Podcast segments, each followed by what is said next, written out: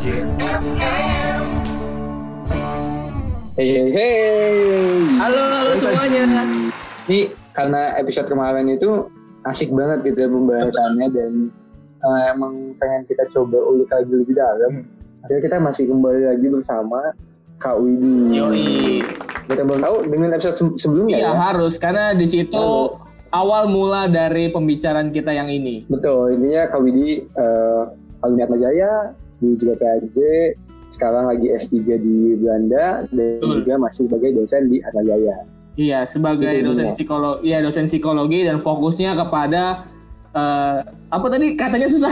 Neuro psychology gitu ya, dia tiga ya, iya bukan tuh. Iya semacam itu. pokoknya tentang yang pokoknya tentang yang stres-stres gitu lah, tentang kepribadian.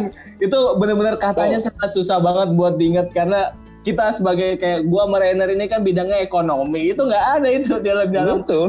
kata pembelajaran kita ya Rainer ya. Iya kita belajarnya duit duit duit semua. tapi tapi ini ilmu yang cukup bisa eh, semua orang dapetin karena ini berhubungan ya sebagai manusia Tentang gitu. Manusia betul. Betul. Pasti semua orang bisa dapat hal dari sini ya. Hmm, iya. Nah sekarang mungkin kita ngebahas yang lebih santai. Kalau kemarin itu kita ngebahasnya pandemi, Iya. stres semua udah ngomongin pandemi. mungkin eh, pertama kita gali lagi latar belakang Kak Widi sih. Mungkin dulu kan S1 S2 fokusnya di kepribadian gitu. Itu sebenarnya gimana sih kak ngebahas kepribadian ini? Iya. Apa yang dibahas gitu kepribadiannya? Oke, baik. Eh, saat saat kita saat kita membahas tentang kepribadian, apalagi kita membahas lebih hmm, apa ya sedikit kita eh, kita mau nggak mau pembahasnya sedikit ilmiah, tapi sebisa mungkin saya akan menyampaikan dengan lebih santai ya. Iya, Eh, saat apa-apa. kita membahas tentang kepribadian, sebenarnya tidak bisa lepas dari yang namanya aliran-aliran dalam kepribadian. Aliran-aliran Hmm. ini eh, ada banyak. Tapi eh, sebelum sampai ke membahas tentang aliran-aliran itu, secara sederhana saya bisa sampaikan kepribadian itu intinya adalah berbagai macam pola perilaku yang kita miliki dan pola perilaku tersebut secara umum menetap dalam diri kita. Nah, pola perilaku yang menetap. Apakah perilakunya bisa berubah? Bisa, tergantung situasi. Tapi ada pola-pola yang sifatnya menetap. Contoh, eh, misalkan atau atau gini, menurut kalian kalau mau menjelaskan sifatnya Nia itu sifatnya kayak gimana sih? Yang paling menonjol gitu, yang paling ngena menurut kalian ciri khasnya dari Nia itu seperti apa? Kalau menurut gue sih Kania itu orangnya tidak banyak bicara, bicara Kalem, iya, di betul. saat diperlukan dan ya hanya sebatas itu aja gitu. Oke, Kalem, oke, kalem. baik. Pandangan singkatnya. Iya, kalem betul lah. kalem kalau ngomong seperlunya begitu. Ya. Itu mungkin bisa menjadi salah satu dari bagian dari kepribadiannya si Nia. Tapi apakah pertanyaannya dengan begitu Nia tidak bisa marah? Dengan begitu Nia nggak bisa cerewet? Bisa jawabannya. Tergantung situasi. Kalau mungkin mungkin loh ya Nia lagi kumpul sama temen deketnya banget gitu ya yang mana Nia merasa bisa hmm, ngobrol-ngobrol terbuka begitu ya mungkin bisa lebih ngomong nggak perlu gitu ya. Kalau sama ini ngomongnya yang perlu-perlu aja gitu ya. Nanti kalau ketemu teman dekatnya yang nggak perlu juga diomongin. Atau mungkin saat jadi ketua PAJ pernah suatu ketika Nia marah saya nggak tahu sih. Misalkan wow ada oh katanya pernah gitu ya. Tapi nggak usah dibahas marah ke siapa? gitu. Suatu ketika marah bisa nggak? Bisa.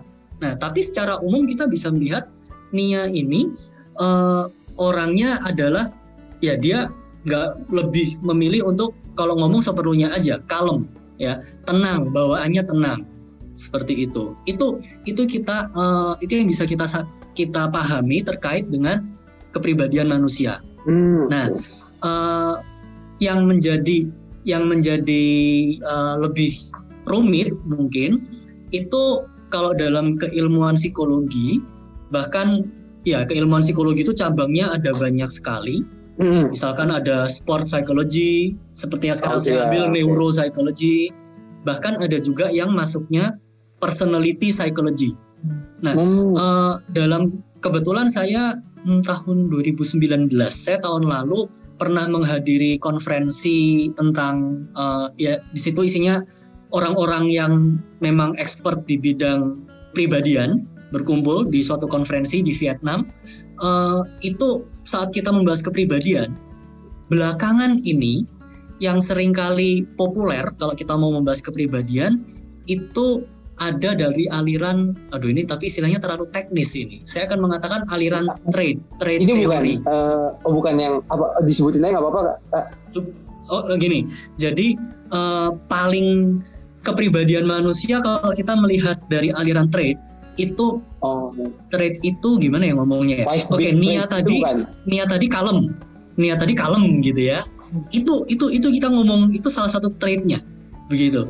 Nah, oh. trade ini uh, kalau secara internasional yang teruji secara ilmiah termasuk di Indonesia juga trade itu secara umum ada lima ya mungkin hmm. saya nggak tahu ya, apakah ya. kalian pernah dengar setahu saya pernah. Kalau kalau di ekonomi pun misalkan ada. mau ya, menghubungkan ya, ya. kepribadian dengan misalkan uh, apa kemampuan manajerial itu pakainya aliran yang betul. ini karena ini yang aliran yang sedang populer.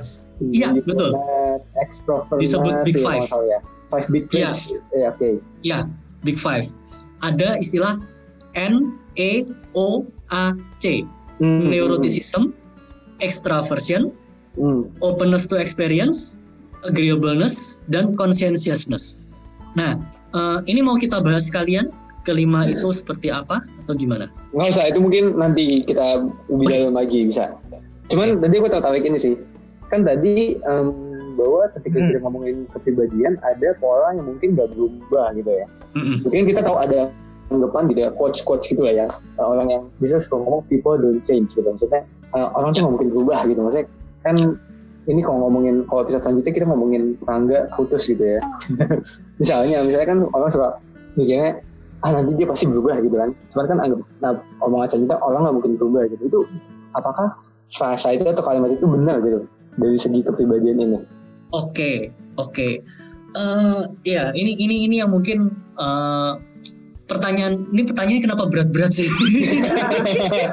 saya mencoba. Tapi pertanyaannya berbobot sekali gitu. Pertanyaan berbobot sekali. Uh, gini, sekarang Rangga Rangga baru saja jomblo pertanyaannya apakah apakah Rangga akan berubah apakah Rangga akan berubah dan mungkin kalau kita mau kita mau mengkritisi lebih jauh uh, apakah 30 tahun lagi Rangga orangnya berubah atau gini-gini aja begitu nah yang yang cukup dilematis begini. Uh, kita nanya nanya yang berubah ini indikatornya apa dulu gitu. Misalkan misalkan uh, Rangga dengan Rainer ceritanya berteman baik gitu ya bahkan sampai 30 tahun lagi. Mungkin bisa jadi Rainer akan melihat ya Rangga hmm, makin dewasa oh, gitu ya makin dewasa tapi sebenarnya ada bagian yang gitu-gitu aja tapi kalau kita membahas kedewasaan orang maturity itu memang bisa berkembang tapi saat kita semakin mature bukan berarti kepribadian kita berubah. Hmm. Begitu. Ini ini yang mungkin ini yang mungkin agak kompleks. Uh, misal misal misal begini, saya akan kasih contoh. Uh, Oke, okay. Saya ini ini ini beneran, ini beneran. Ini ini, ini saya saya cerita sedikit tentang diri saya. Saya orang yang sangat tidak suka. Saya saya orang yang mudah cemas. Saya orangnya mudah khawatir. Begitu ya sebagai informasi umumnya orang yang masuk psikologi kayak gitu sih umumnya apalagi kalau udah ngambilnya yang klinis itu makin makin ya. gitu ya katanya empat tahun ya, gue berjalan gitu ya biasanya gitu kalau biasanya gitu ini nggak bisa buat jalan sampai S3 nah nggak sembuh sembuh soalnya nah uh, saya orangnya mudah saya orangnya mudah khawatir ya saya orangnya mudah khawatir. Uh, salah satu hal yang paling saya benci banget, saya sangat kau gampang banget khawatir itu sama hal-hal yang sifatnya masih belum pasti. Jadi gue ke depan harus ngapain nih? Gue butuh detail nih. Gue harus butuh, oke, okay, gue butuh ini, ini, ini, ini, ini, ini, gitu. Harus segera. Gitu. Nah, jadi orang kayak saya itu nggak cocok jadi ketua PAJ gitu ya. nah, uh, tapi saat saya dulu S1, apakah saya kayak gitu? Iya. saat saya sekarang saya kayak gitu nggak? Iya. Jawaban saya iya. Dan saya menduga 20 tahun lagi saya tetap kayak gitu. Tapi karena saya S1 dulu masuk 2009, ini udah 10 tahun lebih, saya mudah khawatir, iya. Cuman saat saya khawatir, kalau dulu saya gampang sekali marah kalau khawatir, sekarang ya cenderung mudah marah, iya. Apalagi kalau lagi lapar, ya. Tapi saat ini saya lebih bisa mengendalikan diri saya. Nah, ini ini yang saya yang mungkin untuk memudahkan kita berpikir ya. Bedakan uh, kita sedikit membedakan antara yang kepribadian pola yang menetap sama dengan pengalaman uh, pengalaman hidup kita yang akhirnya membuat kita semakin matang. Hmm. Oke. Okay. Gitu. Ya ya. Jadi sebenarnya ya itu dia ada yang ada yang bisa berubah gitu satu sisi, cuman hmm. emang ada yang menetap gitu pasti. Iya. Iya. Menurut kayak um, sebenarnya tuh memang orangnya seperti itu. Uh, sepanjang dia berketemu orang, belajar, nah itu yang membuat pribadiannya itu mungkin meningkat, mungkin menurun, atau mungkin berubah, begitu ya? Hmm. Uh, pengalaman memang bisa membantu, pengalaman bisa membantu untuk meningkatkan kematangan kita. Nah, ini ini memang pengaruhnya itu uh, waduh ini saya jadi kangen ngajar pengen pakai papan tulis itu jadi jadi ibaratnya begini uh, saya akan coba menceritakan semoga terbayang ya ada yang namanya uh, kepribadian atau atau begini atau begini sebenarnya sebenarnya kalau kita membahas tentang trait teori itu kepribadian dengan trait itu berbeda sebenarnya begitu uh, kepribadian itu adalah ibaratnya uh, keseluruhan tubuh kita itu kepribadian kita. Tapi kalau trait itu mungkin cuman kepala dan badannya aja. Begitu. Jadi trait itu adalah bagian dari kepribadian. Hmm. Nah, sekarang kalau kita melihat Rangga Rangga habis baru saja jomblo, apakah dia bisa berubah menjadi lebih matang? Pertanyaannya satu, uh, tergantung dari pengalaman yang dia alami. Misal, uh, baru jomblo ini ternyata buat Rangga walaupun sedih, tapi ini kayak pengalaman yang ah cemen ah cupu gitu. Ya itu mungkin bukan pembelajaran yang bagus. Kalau buat Rangga itu pengalaman yang nggak terlalu signifikan. Tapi kalau ternyata pengalaman itu wah benar-benar jebar, wah kayak Rangga merasa tertampar gitu ya. Ini saya nggak tahu loh Rangga, nggak usah kamu nggak usah cerita juga. ya. siap, siap, siap. Uh, itu akan berbeda kan itu akan berbeda gitu pengalaman yang uh, menampar sekali dan pengalaman yang ya ya nggak terlalu berpengaruh lah dalam hidup saya kedua kalau kepribadian kita ingin lebih matang apakah Rangga bisa berubah atau enggak itu juga nggak lepas dari traitnya begitu jadi antara pengalaman oh. trait dan kepribadian saya akan bayangkan aja ini seperti segitiga yang saling mempengaruhi. Ini ini kompleksnya. Saya akan ambil contoh yang ekstrim, ya. Uh, saya yakin kalian pasti pernah menemui orang semacam ini seumur hidup kalian nih. Pasti kalian pernah ketemu seenggaknya satu orang yang seperti akan saya jelaskan seperti ini ya. Uh, yang gawat itu adalah kalau orang yang trade-nya itu bermasalah. Ciri-ciri orang trade-nya bermasalah itu adalah orang ini saya akan pakai bahasa awam ya. Uh, orang ini nyebelin, annoying. Wah, mungkin kalian pengennya ngumpat-ngumpat banget lah. saya berharap di PAJ nggak ada orang seperti itu. Kalau amit-amit ada, ya udah minta Romo Yogo doakan aja. Cara paling minta ampun, minta ampun, nyebelin parah. Tapi orang ini nggak pernah sadar bahwa dia itu nyebelin. saya yakin seumur hidup kalian, kalian umur 20. Oke, okay, oke. Okay. Iya, betul. Pasti pernah ketemu satu orang kayak gitu. orang yang dirinya dirasa orang lain itu bermasalah. Ya, tapi orangnya itu nggak nggak sadar kalau dia itu bermasalah. Kenapa ini bisa terjadi? Karena trade-nya seperti itu. Nah, saat trade-nya seperti itu, kalau pakai bahasa lebih tinggi lagi, kami ada menyebut istilahnya trait yang patologis, trait yang terganggu. Nah, hmm. kalau sampai traitnya udah patologis, buru-buru mau ngomongin tentang kematangan. Nanti dia mau pengalamannya mau seberat apa pun, ya dia akan tetap rigid, kaku, orangnya nggak akan berkembang, sulit. Nah, kalau untuk orang yang trade-nya masih dalam batasan normal, wajar-wajar saja, mungkin dia ada pengalaman baru, baik itu yang menyakitkan maupun menyenangkan. Pengalaman-pengalaman itu bisa diolah oleh orang tersebut sehingga orang tersebut makin matang. Mungkin kalau saya singgung sedikit terkait episode sebelumnya, kita membahas tentang pandemi, Hmm. ya. Hmm. Siapa yang mengalami pandemi ini? Semua angkat tangan. Kita semua mengalami.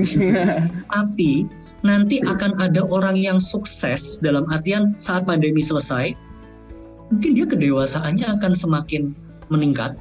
Ada juga yang orangnya tetap aja nyebelin-nyebelin kayak gitu. Diajak kerja bareng susah, dikasih kerjaan nggak kelar, sukanya komplain mulu. Ini misal ya, ini misal. Nah, kenapa pengalamannya sama, yaitu pandemi. Tapi ada yang semakin pribadinya semakin matang, ada yang tetap gitu-gitu aja hal ini nggak lepas juga dari faktor si trade itu. Hmm. Nah, jadi bayangkan aja segitiga yang tadi saya sampaikan. Trade, kepribadian, dan pengalaman ini saling berinteraksi. Begitu. Oh, Oke, berarti aku jadi penasaran hmm, bahwa ketika, ketika, ketika kita ngomongin kepribadian, ini kebentuknya itu dari mana sih? Apa ini apa Oke. ketika dari kecil ya? Kan ada kan yang maksudnya tentang dari ini ada aku benar atau salah sih yang tentang nah, kalau Freud kan bilang bahwa ketika kecil ada dari pengalaman-pengalaman kecil yang membentuk pribadi orang di masa depan. Bisa juga Gitu kan. didoktrin juga dari orang tua atau dari pihak mana pun juga. Iya pengalaman pengalaman Ah. kecilnya gitu ya dengan lingkungannya. Atau Eh, dari DNA gitu. Hmm. Atau maksudnya atau Oke. kepribadian itu dari lahir gitu. Oke, ini Nia udah ketawa-ketawa ini. ini pertanyaannya semakin lama semakin berat. Jadi begini. Padahal kita anak Iya, kita mah gali-gali dari pertanyaan sebelumnya. Ya, tapi justru itu menurut saya itu hal yang bagus. Eh, apa kita kita orang Indonesia bukan orang mahasiswa yang kritis gitu. Ya, ya bagus gitu loh. Tapi mohon maaf ya kalau jawaban saya nggak memuaskan. saya akan mencoba sebaik-baiknya. Kita nggak mungkin tahu. Gini. Nggak mungkin apa ya? Begini, saat kita tadi pertanyaannya ini asalnya dari mana kalau gitu? Kepribadian ini asalnya dari mana? Eh, saya akan kembali lagi saat kita membahas kepribadian itu nggak lepas dari aliran. Tadi kita hanya membahas aliran yang trait, Satu. Hmm. ya. Oh iya. iya. Eh, pada intinya Hmm. Aliran-aliran di psikologi kalau tadi Rainer ada sebut Freud, ya itu itu idola saya. Walaupun teorinya sudah banyak dimodifikasi sih sebetulnya. Em, setiap orang setiap orang itu kalau kita mau memandang perkembangan kepribadian dari dalam tiap aliran tersebut ada yang perspektifnya lebih mengarah ke nature, ada yang lebih ke nurture. Nature ini kalau Hmm. oh orang ini kayak gini emang dari sononya.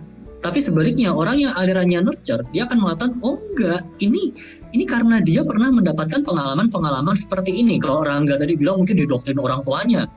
Nah, mana yang benar? Jawabannya ya ya ya nature nurture ini nggak nggak bisa nggak bisa kita eh, apa ya kita nggak bisa memilih salah satu. Keduanya memang memiliki eh, peran masing-masing. Nah, kalau tadi eh, Rainer sempat sempat nyebut hmm, terkait ada pengaruh DNA-nya nggak gitu ya. Nah, eh, sekarang saya tanya, eh, Rainer, Rainer berapa bersaudara? Hmm, dua. Dua. Eh, kalau orang-orang ngomong, kamu dibilangnya lebih mirip papa kamu atau mama kamu? Atau nggak mirip dua-duanya Hmm, sifatnya? Ada yang pernah ngomong? oh, sifat. Mama. Kalau enggak nggak apa-apa. Lebih lebih ke mama. Oke. Saudara kamu Hmm. lebih ke mama juga. Gitu. Enggak, kebalikannya. Oke, oke. Nah, hal-hal semacam inilah itu contoh paling sederhana bahwa kalau kita membahas faktor genetik ada peranan atau enggak, jawabannya ada. Kalau kalian, eh, saya belum pernah saya belum pernah mendalami risetnya juga, tapi saya pernah mendengar eh, dari kolega yang pernah menghadiri konferensi yang membahas bahwa eh, kepribadian, khususnya dari aliran trait tadi, ada neuroticism, extraversion dan lain-lain, ada lima itu. Eh, sekarang itu kalau mau ditinjau secara di otak itu udah bisa. Misalkan orang yang pencemas, ternyata atau mungkin orang yang cenderung ekstrovert, ternyata kadar eksitasi dopaminnya itu lebih tinggi daripada yang introvert. Ya masuk akal. Dopamin itu adalah uh, neurotransmitter ya jadi ya itu ngomongin saraf. Pokoknya itu Baru- itu, baru- itu baru- semacam zat. Baru mau nanya dopamin itu apa? Itu itu itu itu itu, itu semacam zat. Semacam zat yang kalau kadarnya tinggi di dalam otak kita itu membuat kita lebih excited. Nah, itu yang dipercaya Oke. berkaitan kalau orang yang ekstrovert kadar itunya lebih tinggi. Nah, ini kan Oh. udah ngomongnya biologi. Memang nggak lepas, nggak lepas dari faktor genetik. Nah, ini kita ngomongin nature.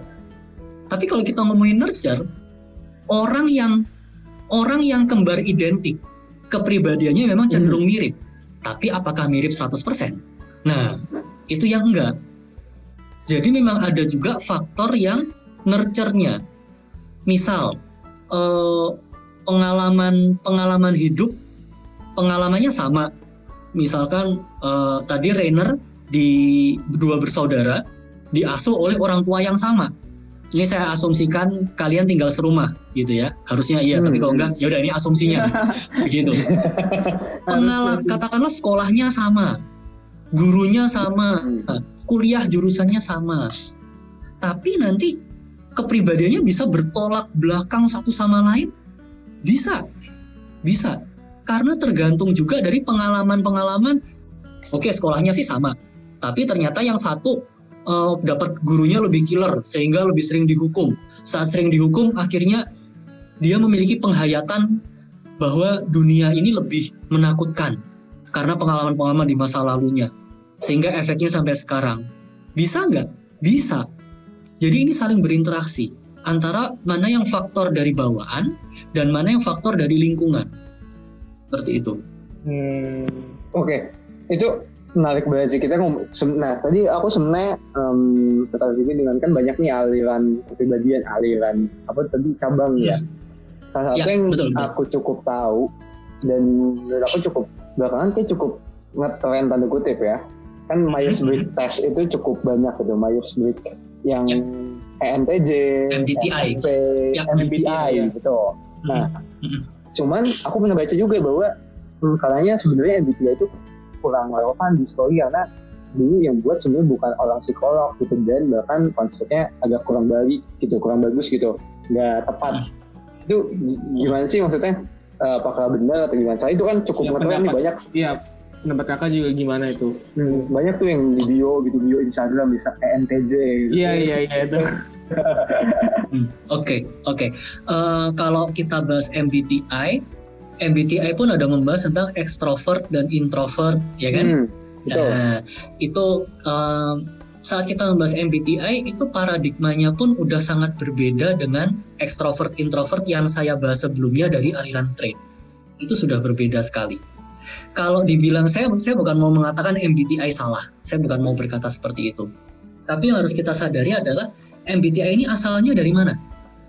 Dia itu berangkat dari teori kepribadian yang dipaparkan oleh Carl Gustav Jung di mana eh ya Jung sendiri juga Jung tuh malah dari aliran psikodinamika dia segeng sama Sigmund Freud Hmm, Eh, dia memang ada penjelasan tentang ekstrovert dan introvert tapi dalam dia memandang hal tersebut sangat berbeda sekali dengan trait kalau Jung itu memandang bahwa eh, kita manusia itu punya apa ada istilahnya itu semacam archetype gitu ya archetype itu atau Hmm. ibaratnya beginilah.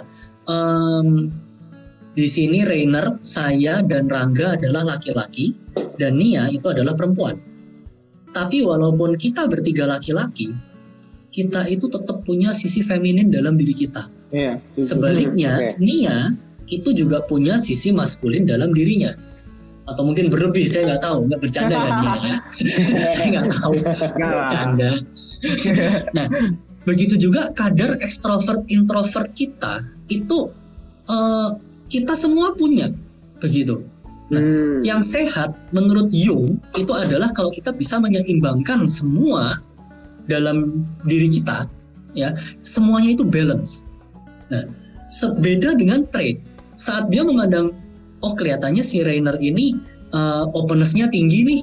Nah ya kalau Rainer openness-nya tinggi, oh ya oke okay, openness-nya dia tinggi begitu.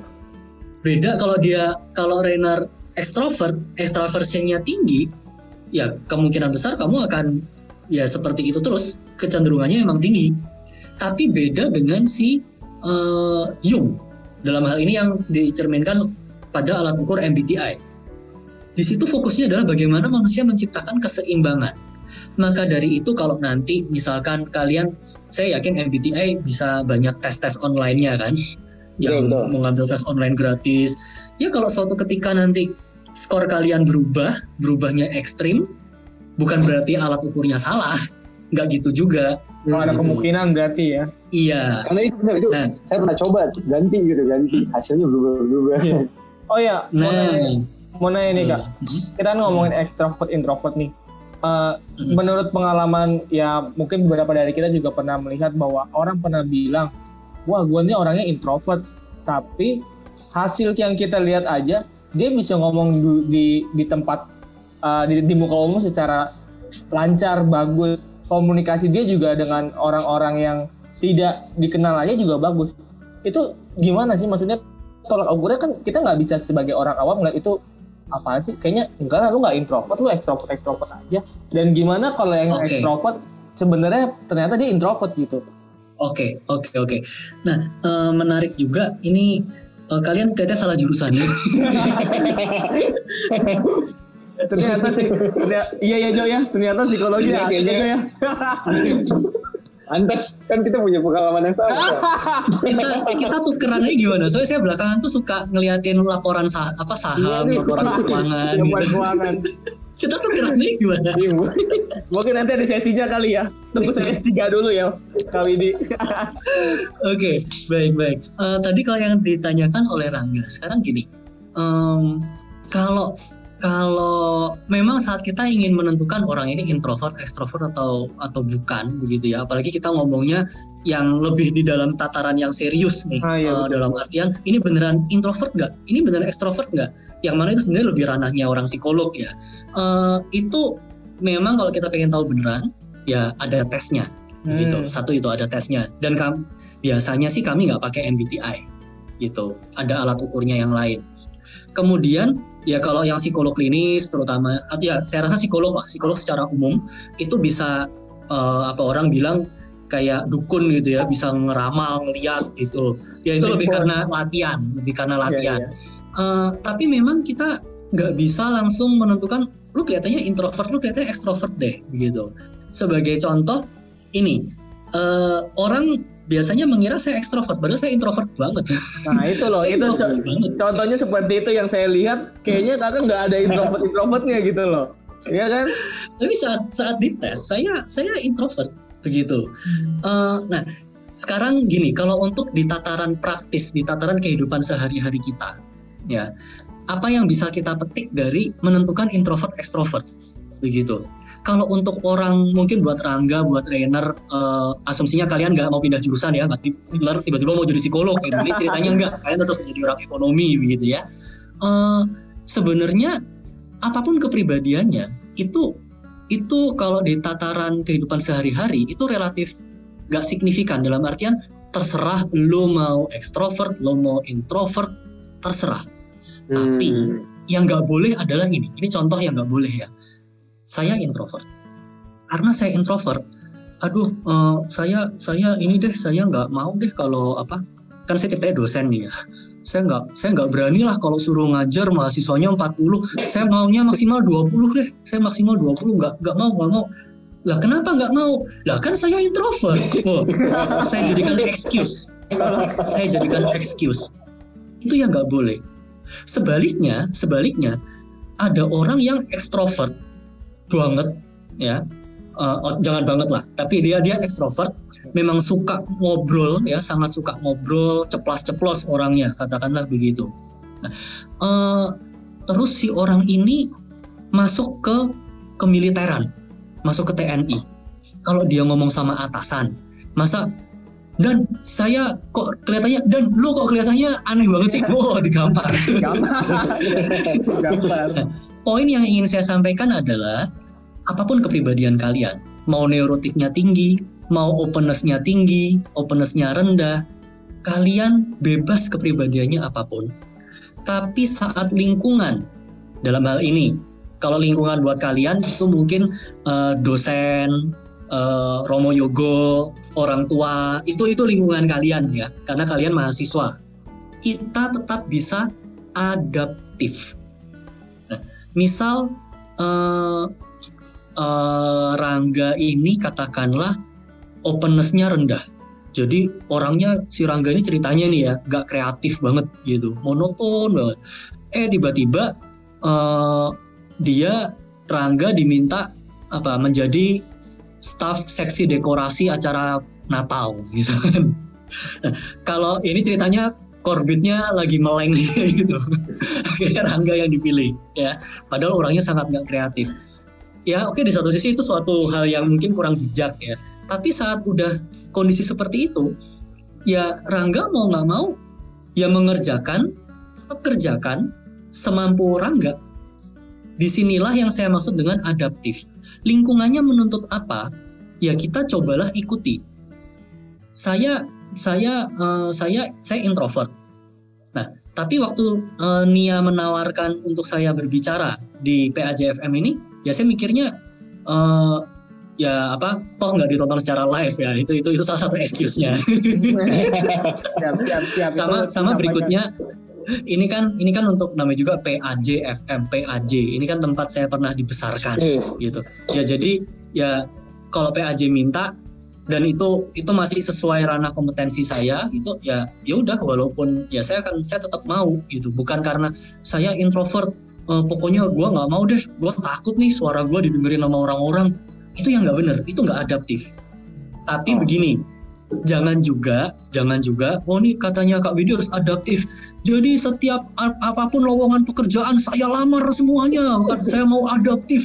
Ingat uh, aturan nomor satu segala sesuatu yang berlebih itu pasti salah. Baik, ya. baik lah nah jadi begini uh, misalkan udah tahu nih kepribadiannya seperti apa mungkin nanti setelah kalian lulus ya udah S sekarang gelarnya bukan SE udah beda ya sekarang ya. SM SM nah kalau kalau kalian nanti ini misal ya ini misal latar belakang saya saya klinis saya bukan industri. Uh, kalian lulus nanti ternyata uh, si Rainer ini suka berinteraksi dengan orang lain begitu apakah mungkin cocok kalau nanti di uh, bagian SDM atau HR atau mengambil posisi-posisi yang lebih sifatnya manajerial agar bisa berinteraksi dibandingkan dengan mengambil posisi yang sifatnya lebih administratif yang kerjaannya lebih sama perintilan-perintilan, nggak ngurusin orang begitu. Nah ini penting. Kenapa? Karena nanti kalau kita milihnya bisa pas, itu niscaya kepuasan hidup kita, kebahagiaan kita nanti juga bisa terangkat. Begitu. Menarik. Berarti sebenarnya Berarti, uh, ini kepribadian itu nggak bisa hitam putih kan ya maksudnya Iya kita nggak bisa tebak nggak bisa tebak secara kayak mentah-mentah wah lu introvert extrovert hmm. tapi tapi melainkan ya eh, itu kayak apa ya ada yang kakak bilang tadi adaptif bahwa setiap orang kayak mau walaupun pribadinya introvert tapi dia juga bisa mengelola diri untuk bisa melakukan apa yang uh, dimiliki oleh dasarnya si extrovert tersebut dan begitu juga sebaliknya gitu ya iya betul ya Gimana? Hmm. Kalau kalau kalian tadi sudah ada kata-kata bahwa semuanya ini nggak hitam putih tapi abu-abu, artinya kalian sudah paham. Karena iya, memang ya, ya. saat kita saat kita membahas perilaku manusia itu memang nggak pernah hitam putih sih, begitu ya. Uh, apa sudut pandangnya memang ya ini karena topiknya psikologi begitu ya. Sudut pandangnya memang uh, cenderung abu-abu. Beda dengan misalkan kalian melihat pengadilan ya di kasus hukum yaitu kan hitam putih. Anda salah anda terfonis. Ya atau anda nggak salah jadi anda nggak mendapatkan vonis nah hmm. itu hitam putih. Tapi hmm. kalau dalam memahami uh, keilmuan psikologi ya saat kita membahas kepribadian manusia ya ya memang begitu. Tapi nggak bisa dipungkiri bahwa ada kasus-kasus yang saya bilang di awal tadi ya uh, ada kalian pernah nggak punya teman yang annoying banget? Nah itu adalah contoh itu adalah contoh orang yang memiliki kepribadian atau trait, saya akan lebih spesifik ngomongnya trait. Tadi kan saya ngomong, jangan sampai kalian hukum nomor satu, jangan sampai berlebih. Berlebihan. Iya. Ya, orang yang annoying itu biasanya traitnya itu berlebihan. Entah dia, misal neurotik neurotisismnya kelewat tinggi, neurotik tinggi boleh nggak? Boleh. Lewat tinggi nggak boleh. Rendah boleh nggak? Oh, bagus tuh rendah. Bagus dalam artian kalian jadi nggak gampang khawatir. Mungkin udah mau deadline tugas, oh tenang nanti bisa selesai kok. Orangnya nggak khawatir. Tapi kalau kelewat rendah, oh deadline-nya lima menit lagi, cuek, santai, Hello. nyantai. Wah, udah telat nih, ya udah nggak usah dikumpul, santai aja. Itu juga nggak benar. Nggak. Nah, jadi memang eh, orang yang trade-nya itu dalam ranah sehat, ya, dalam taraf sehat, itu dia nggak sampai ekstrim terlalu tinggi atau ekstrim terlalu rendah, begitu. Hmm. Oke, menarik. Ini aku tadi sebenarnya penasaran juga tentang belakangan ini tuh ketika ngomongin kepribadian kan maksudnya kita sering jadinya mengkotak-kotakan diri gitu kan. Kalau tadi kayak MBTI gitu kan orang jadi mengkotak-kotakan dirinya si MTJ lah, si NFP gitu kan. Dan eh, yang marketing dan sering itu orang walaupun ini jelas nggak saintifik ya zodiak gitu kan zodiak kita tahu tuh sering banget eh uh, uh, Gemini banget nih orangnya gitu kan oh ini si Pisces nih gini itu. Uh, tapi bisa dilihat nggak sih maksudnya kenapa orang itu cenderung mencoba mengkotak-kotakan dirinya gitu, mencoba mencari kesamaan gitu. Iya. Ada Penjelasannya ya sih. Kak? Ah, sama sekali nambahin juga nih kayak kemarin aku juga sempat baca tentang primbon Jawa kan karena aku Jawa. Terus Oke, kalau lah- lahirnya Jumat Kliwon kayak gitu-gitu Orangnya begini. dia ada ada kepribadian sendiri sama juga kayak Oh, yang iya. tadi apa bintang-bintang itu Zodiak. Apakah itu Hmm. benar-benar ada atau memang hanya kebetulan atau gimana tuh? Oke, oke. Eh, mungkin pertanyaan yang pertama dulu. Kenapa sih kok kita ada kecenderungan eh, mengkotak-kotakan? Kalau yang ditanyakan kenapa, itu mungkin yang lebih bisa menjawab orang yang punya latar belakang pendidikannya psikologi sosial. Itu saya rasa lebih bisa menjawab. Oh, Tapi yang bisa saya sampaikan di sini adalah eh, mungkin itu juga yang menjadi kelemahan dari MBTI. Tadi karena sempat di awal eh, tadi pertanyaannya Hmm. MBTI seolah mengkotak-kotakan begitu ya. betul. Dan ini mungkin sekedar men- eh, mungkin bisa sedikit menyinggung tentang tadi kalau primbon, kalau eh, zodiak itu gimana. Nah, prinsipnya saat kita membahas tentang eh, kepribadian manusia, kalau kita sudah mulai mengkotak-kotakan itu yang nggak benar sebetulnya. Kenapa? Karena kita semua tuh terlahir unik loh. Bahkan, bahkan, misalkan trainer ini ekstra ekstraversinya tinggi, Rangga juga tinggi, tapi nanti keluarnya bisa beda. Kenapa? Itulah keunikan kita sebagai manusia. Nah, berbeda-beda tapi satu jua. Eh, ini jadi lebih nasionalis. Nasionalis, Tapi, iya, tapi ini, ini fakta. Ini fakta bahwa uh, kepribadian itu dinamis dan nggak bisa dikotak-kotakan. Agak nggak pas kita mengelompok-kelompokkan seperti itu. Misal kita mau mengelompokkan orang yang cemas kita kelompokkan dalam satu ruangan gitu ya. Tapi itu nanti cemasnya itu beda-beda gitu, bisa beda-beda. Nah makanya uh, aliran trade itu termasuk yang semakin berkembang karena memang dia memandangnya ada lima faktor kepribadian Hmm. tapi dia nggak memandang ini di kotak-kotakan. Hmm. Ada kotak N, neurotik, ada kotak extrovert, extrovert ada kotak op- openness, nggak seperti itu Hmm. cara berpikirnya. Nah, eh, jadi trait ini lebih memandang manusia itu lebih dinamis sebetulnya. Lalu balik lagi, kalau kalau eh, apa Rangga tadi bertanya, mungkin juga pertanyaan Renner, zodiak terus apa zodiak ada lagi primbon gitu ya. Em, Iya. saya saya saya hanya menyampaikan saya hanya mengatakan pendapat pribadi tapi saya nggak mengatakan ini sebagai kebenaran ya tolong dibedakan Iya, iya, iya. ini ini opini pribadi begitu ya dan saya tidak mengajak kalian mengikuti opini saya kali ini nah eh, saya akan lebih berkata tentang yang primbon aja karena kalau zodiak itu kan dari luar ya kalau primbon kan yang asli Oh, ya. dari kita Lokal, lokal.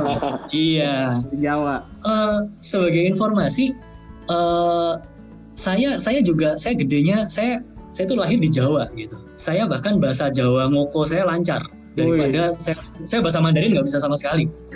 saya di sini datang ke Chinese food selalu ditanya, uh, are you Chinese? Can you speak Chinese? Oh, no no no no no no no. Tapi kalau bahasa Jawa saya lancar. Monggo. Nah, karena karena saya Jawanya itu lebih kental dibanding Tionghoanya, saya sampai waktu saya tahun 2017 itu pindah pindah ke apartemen ya. Uh, bapak saya itu menyuruh saya bertanya ke ini ke Mas Bowo, ke PAJ. Nah ini ini Mas Bowo dengar saya bisa di ini diomelin. Nah tapi intinya gini, uh, waktu itu bapak saya bilang itu kan kan kan saya kadang suka cerita ke orang tua saya gitu oh di aja ada Mas Bowo nih dengan berbagai macam ya kita tahulah keahlian Mas Bowo gitu ya.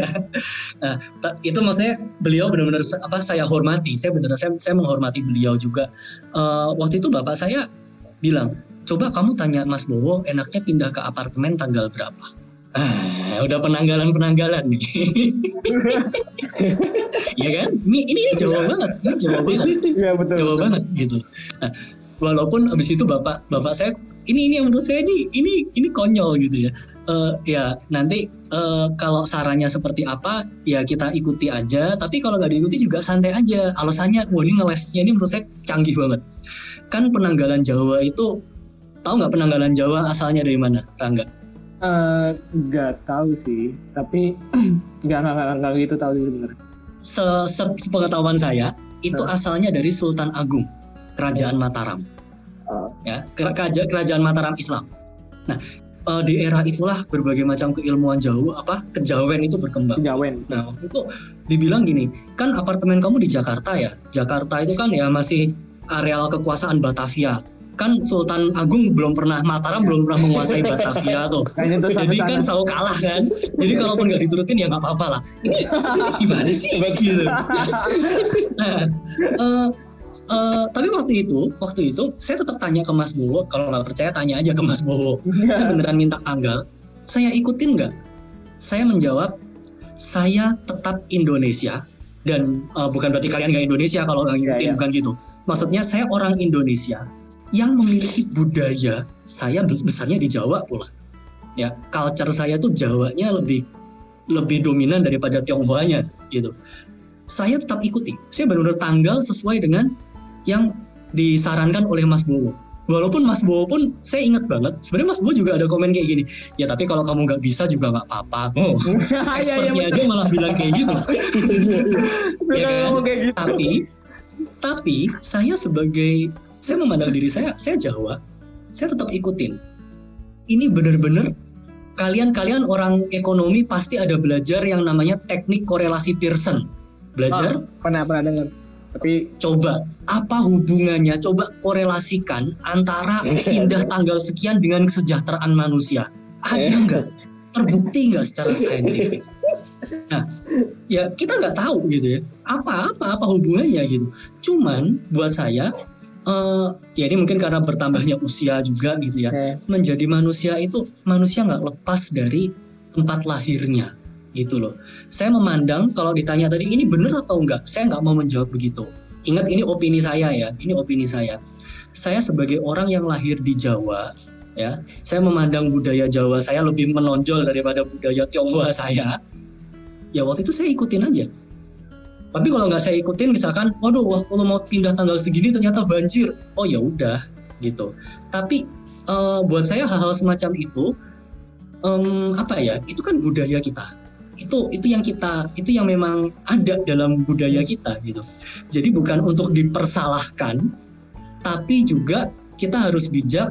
Misal nih, oh kalau kalau kalau gua lahirnya tanggal sekian, itu artinya gua anak bandel ya jangan juga diinternalisasi di pikiran gua anak bandel gua anak bandel. Itu nanti beneran jadi anak bandel. Itu itu juga nggak bener. Ya, kayak ya. gitu. Ya tapi bahwa itu bagian dari budaya kita ya sudah. Nggak apa-apa. Itu itu kekayaan kita loh. Itu kekayaan kita. Bener gitu. sih waktu itu hmm. kemarin dengan uh, lihat artikel juga mereka bilang memang di tanggal tersebut misalnya yang hari apa saya lupa. Ya hari itu pokoknya memang karakternya pemarah, pema agak terus agak malas. Tapi mereka kan menyebutkan bahwa dia bisa sukses tapi dengan kerja yang lebih keras lagi. Maksudnya tidak sekeras dengan tanggal-tanggal yang seperti ini. Jadi memang ada pandangan-pandangan memang ya dibedakan tapi tidak berarti bahwa tek sampai itu aja nakal nakal udah nakal hmm. enggak tapi ternyata hmm. ada hmm. ada ininya tambahan-tambahannya lagi betul itu sebenarnya yeah. nyambung juga sama si itu si zodiak tadi yang yeah. kan suka banget tuh maksudnya zodiak oh zodiak ini orangnya uh, kemudian gitu kan terus dia hmm. dia membenarkan menjustifikasi sifatnya gitu kan oh, ah. karena gue zodiak ini gue begini itu justru hal itu yang perlu kita hindari gitu kan sebenarnya ya Ya, hmm. betul. Dan yang perlu kita perhatikan juga kalau terutama uh, apa kalau kita lihat zodiak ya, karena itu saya lebih sering lihat di koran itu kan lebih ya, banyak ya. bisa dibaca tuh. Saya bintangnya Cancer. Tapi katakanlah saat itu saya baca Sagittarius itu juga nyambung. Hmm, karena mereka nyambung. semua deskripsinya normatif. Normatif. General ya. Uh, misalkan gini, hati-hati dalam pengelolaan uang Anda. Itu kan berlaku buat semua orang. Iya, umum sekali. itu ada namanya ya Barnum Effect ya atau apa gitu yang yang uh, saya saya saya kurang tahu gitu ya general banget di dan iya iya dan juga kayak sekali. Kayak misalkan uh, Cancer jodoh misalnya sama Virgo itu kan mungkin dari karakter yang pemarah dengan yang paling sabar. Oh, itu maksudnya cocok karena gitu. jadinya iya banyak jadinya kayak oh cocok-cocok aja ya wajar lah pemarah sama sabar uh, pasti jadi kayak gitu. Kemungkinannya gede padahal, gitu kan.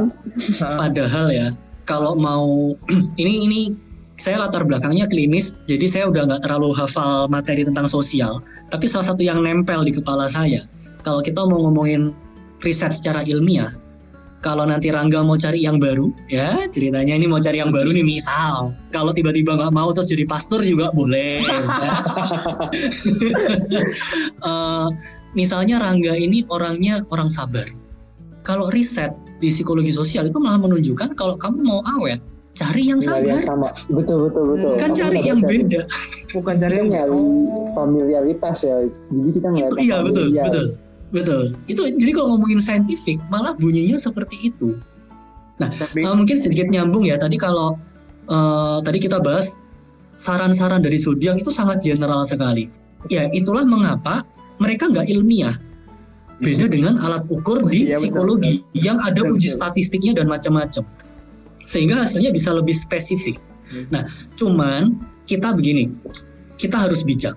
Kita harus bijak bahwa oke, okay, ilmu psikologi itu ilmu uh, yang datang dari negara yang maju, ya, uh, masyarakat Barat, ya, dengan berbagai macam paradigma logika berpikir yang lebih ilmiah. Itu kita terima sebagai kebenaran menurut jadi kayak filsafat ngomongnya. Tapi yang ingin saya sampaikan begini, yang ingin saya sampaikan begini. Uh, benar menurut psikologi, ya itu benar menurut psikologi, begitu. Tapi jangan sampai karena nanti kalian di sini semuanya calon sarjana, ya. Jangan sampai menjadi orang yang arogan, arogan dengan keilmuan kita. Apalagi ceritanya misalkan bukan misal ini beneran trainer dan Rangga ini orangnya pinter-pinter semua, woi IP-nya kumlot semua gitu ya. uh, oh dengan kalau pakai teori ekonomi ini begini begini begini begini. Oke, okay, iya boleh, nggak salah gitu. Tapi jangan sampai menjadi orang yang arogan. Nah, makanya yang saya maksud dengan jangan arogan itu gimana? Saya tahu primbon itu nggak ilmiah. Tapi karena saya orang Jawa, hmm saya menghargai itu Betul. gitu dan uh, sebagai informasi ini semoga bagian ini Romo Yugo tidak mendengar Jadi gini, uh, ini ini sharing konyol ya, sharing yeah. konyol sedikit ya. Uh, waktu itu tahun 2018, waktu tahun 2018 akhir ya di Desember kami liburan ke Semarang. Waktu itu saya pergi ke Klenteng ya. Oh ini Katolik PAJ ke Klenteng. oh ini ya, apa itu, Sampokong ya, Kak? Uh, uh, ke Sampokong dan ke satu kelenteng yang lain. Oh. Ya, jadi waktu itu oh. saya melakukan yang namanya ciamsi. Ya, ciamsi itu intinya kita nanya ke dewa, Ayo, bukan nanya ke Bunda Maria ya, nanyanya ke dewa. ini bukan yang pakai itu bukan, bukan ya? Betul. Benar, benar, benar dikocok, ini dikocok. Betul, itu. Dikocok terus keluar sumpit atau apa gitu ya? Ya betul, betul banget ya. Jadi waktu itu nanyanya uh, ke ke Dewi Kwan Im atau apa saya lupa. Nah, uh, saya cuma mikir gini, uh, oke okay, saya Jawa, tapi saya Jawa Tionghoa, begitu. Leluhur saya di uh, Tiongkok daratan dulu, itu pun mereka ya kepercayaannya seperti itu. Ya kalau saya mau melakukan, ya ini pendapat pribadi, saya nggak nyuruh kalian, ya. ya ini iya, saya iya. nyuruh kalian. Saya tetap ya udah lakukan lakukan aja percaya nggak percaya urusan belakang lakukan hmm. ya waktu waktu saya saya melakukan uh, Ciamsi ya sama alumni DHPAJ juga namanya Andika Oktavianto yaitu mantan DH itu juga sama tuh murtad juga. Ini bercanda bercanda bercanda uh, waktu itu Ciamsi dan saya nanya. Jadi Ciamsi itu kita nanya ke Dewa. Dewa ini saya S3-nya kira-kira akan gimana ya? Keluar tuh sumpit. Waktu itu saya tiba-tiba muncul jawabannya itu bagus banget. Nah, benar-benar dibilang bagus, pokoknya wah everything is good gitu ya. Lalu tiba-tiba suatu ketika beberapa bulan setelahnya ada pengumuman pembukaan beasiswa dari pemerintah. Waktu saya baca pengumuman itu, orang Rangga, orang Jawa pernah familiar dengan istilah wangsit semacam itu nggak? Tahu, familiar. Waktu tahu, saya baca oh, iya, pengumuman iya. itu, hmm. saya tiba-tiba kayak teng gitu ya. Ini beasiswa gue. Ini dia. ini tapi saya nggak pernah ngomong. Iya. Saya ngomong gini setelah dapat. Karena kalau enggak kan anjir malu kan. Nah, ya, ya.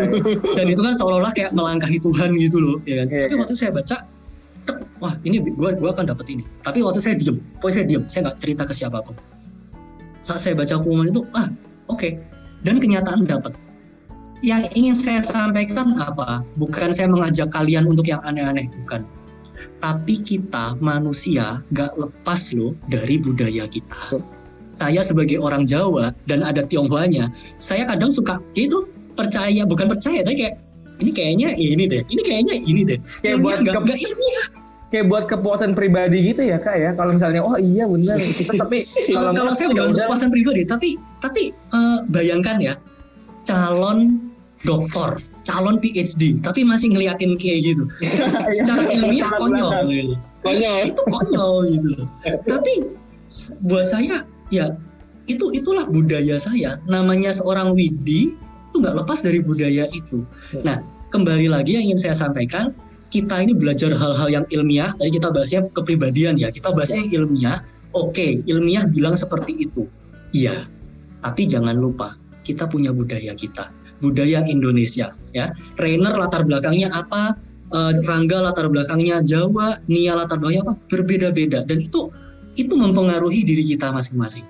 Ya, di luar sih neuroticism, extraversion, di luar itu ada budaya. Gitu. Iya. Gokil, ini udah kalimat penutup yang udah luar biasa ya. Kita Udah, Maaf kalau jadi ini naco. Iya, itu menarik banget, menarik banget tuh jadinya ya. Jadi nggak ternyata nggak harus yang ya memang benar ya pribadi itu mikirnya nggak sampai yang harus ternyata tuh harus ada risetnya juga kalau mau percaya sama yang paling akurat gitulah ya. Yang ya. lain ada tapi ya nggak bisa seakurat itu karena penelitiannya kan tidak ilmiah gitu. Betul. Tapi boleh kita hargai untuk ya sekedar budaya budaya ya. menarik banget ya kita ngebahas panjang tadi yang ngebahasnya ilmiah banget sampai juga budaya gitu maksudnya bahwa ketika kita ngomongin maupun kita ngomongin yang sangat-sangat ilmiah gitu ya logika banget tetap bukan berarti bukan berarti menghilangkan yang lain gitu tetap bisa bersamaan kita pegang gitu ya sebenarnya hmm. Jadi nggak harus kaku-kaku banget gitu, jangan iya. sampai yang kak bilang sekarang bilang, bayangin aja nih, kalian kalian kalau uh, trainer mau PDKT cewek misalkan, tapi pakai sisi ilmiah, yang dideketin katakanlah namanya siapa? Namanya namanya siapa enaknya? Satu nama cewek dong, kasih satu nama cewek siapa? Windy, Windy, Windy. Windy, oke. Okay. deketin Windy. Ya, terus, terus trainer deketinnya gini, eh Windy, kalau menurut data penelitian ya, kita ini sifatnya mirip. Seharusnya kita ini bisa nyambung. Gimana kalau kita pacaran? Tadi kalau Rangga bilang kaku, lihat tuh, kaku kan jadinya. Sementara manusia, manusia itu dinamis gitu loh. Dan yang membuat dinamis gak cuma sisi saintifiknya aja, sisi riset personality dan lain-lain, tapi budaya kita juga itu berperan gitu.